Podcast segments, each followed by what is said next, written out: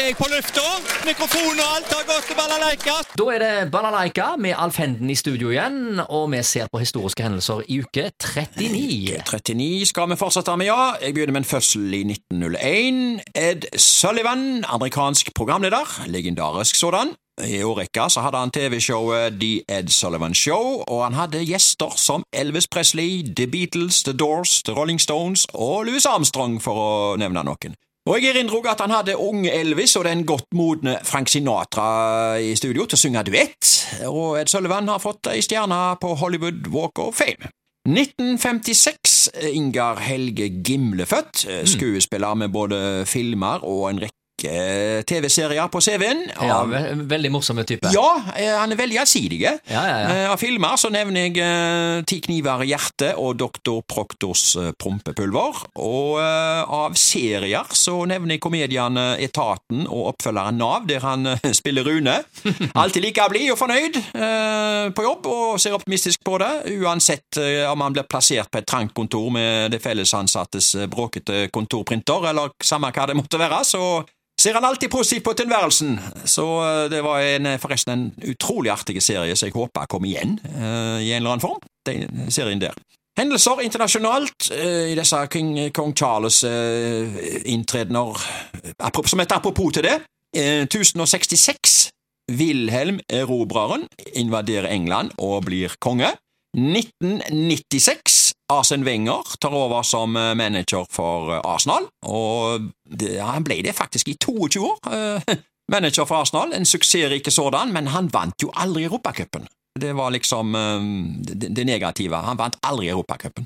Men han har vært på Haugesund stadion til gjengjeld. Eh, sommeren 2006 overvar han kampen FKH Notodden, eh, som ble 2-1. Vi får tro det at det var et stort øyeblikk i Arsen Wengers eh, tid som manager på Arsenal. Ja, Ja, det var nok ikke det, da. Hvis han husker det helt tatt. Ja, Hvis han husker det hele tatt. Han husker kanskje at han satt, eh, hvor han satt og spiste kake og drakk kaffe i pausen. eh, det på det. gamle garderobebygget på Haugesund stadion. Det Ja, ja, kan være han husker den. Ja, ja, ja. Kinouke 39. 1971 denne gangen.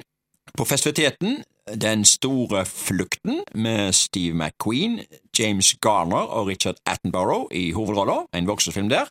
På Håndverkeren gikk filmen Døden skal du lide, en film med Vanessa Howard i hovedrolla, voksenfilm der, og det var det hele på kino i eh, 1971.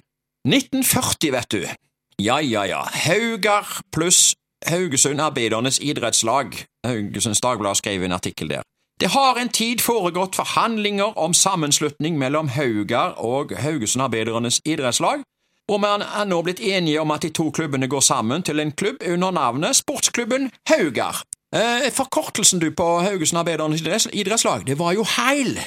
Så eh, forkortelsen var altså Heil, og det var det det var på folkemunne. Eh, det ble bare kalt for eh, Heil, og i 1940 så var vel ordet Heil òg brukt i andre sammenhenger, var det ikke det? Ja, det var vel Ja. en Hitler som var feil med å bruke det der greiene der. Ja. Det var en litt spesiell hilsen for nazistene. Ja, det var jo det, da. Forresten, etter sammenslåingen Heil så fikk Hauga bytta farger til blått. Blå trøyer og hvite bukser, som de har bevart opp gjennom årene. De var, de var grønnkledde i 1940. ja. Eh, 1947. Einar Gerhardsen i byen. Ja, Haugesunds Avis skrev Statsminister Einar Gerhardsen besøker i dag Kopervik og Haugesund, hvor han, hvor han skal holde politisk foredrag. Dessuten er han innbudt som gjest i Haraldsvang i anledning av Skåre Arbeiderpartis 25-årsjubileum. Det er første gang statsministeren gjester vår by, og han skal være velkommen. At ikke alle er så overvettes begeistret over politikeren Gerhardsen, sier seg selv, men som menneske er han respektert og avholdt av alle, uansett politisk oppfatning. Ja, Dette var jo en tid da det var riktignok i- rett etter krigen, og alle var håper seg enige om alt i Norge, men i utgangspunktet her så var jo Høyre og Arbeiderpartiet på den tida de var jo eh, motpoler. Ikke sånn absolutt. som i dag, hvor de liksom er, hvor liksom er motpoler. Ja, ja. på den tida så var det virkelig motpoler, altså. Så det var nok ikke alle som ønsket Gerhardsen like mye velkommen, nei, det var nok ikke det. Og senere Gro og Kåre-debatter var jo legendariske. Ja, det ble jo legendariske. Så, eh, men Gerhardsen han eh, skapte seg et navn, han, eh, og påtok seg ansvaret med å bygge opp landet igjen. Og sånt ble han uh, landsfaderen. Men jeg har jo tenkt på det at eh, han var nok ikke helt alene om å bygge opp landet. Han hadde nok noen med seg. Tror du ikke det, Gerhardsen? Han hadde noen med seg, men ja, ja, ja. jeg tror faktisk han kunne klart det helt alene, jeg, altså. Ja, det hørtes nesten sånn ut. Ja, ja. Og eh, jeg må jo bare si det, at dagens ungdom er, det er ikke sikkert at de vet hvem Einar Gerhardsen er. Nei, det Jeg har, jeg har tatt og testa dette. her. Jeg har stilt en quiz. Hva, hva var Einar Gerhardsen? Var han A. statsminister? Var han B. polfarer? Eller var han C. tryllekunstner? ja. Ja. Hva svarer de da? Du, det er veldig ymse. Eh, Jeg tror faktisk eh, flertallet svarer polfarer. Og så er jeg ja? usikker på om eh, nummer to svaret deres er statsminister eller tryllekunstner. Ja, nettopp. nettopp. Ja, ja, ja, ja. så, så ting går ut av tiden, tydeligvis. Det er mye som tyder vi på det. holde vi må holde navnet oppe, Einar Gerhardsen. Ja, da er det bare én ting å spørre om. Ja da. Einar Gerhardsen! Ja. Hot or not? Oi, han var hot! Han var hot. Ja.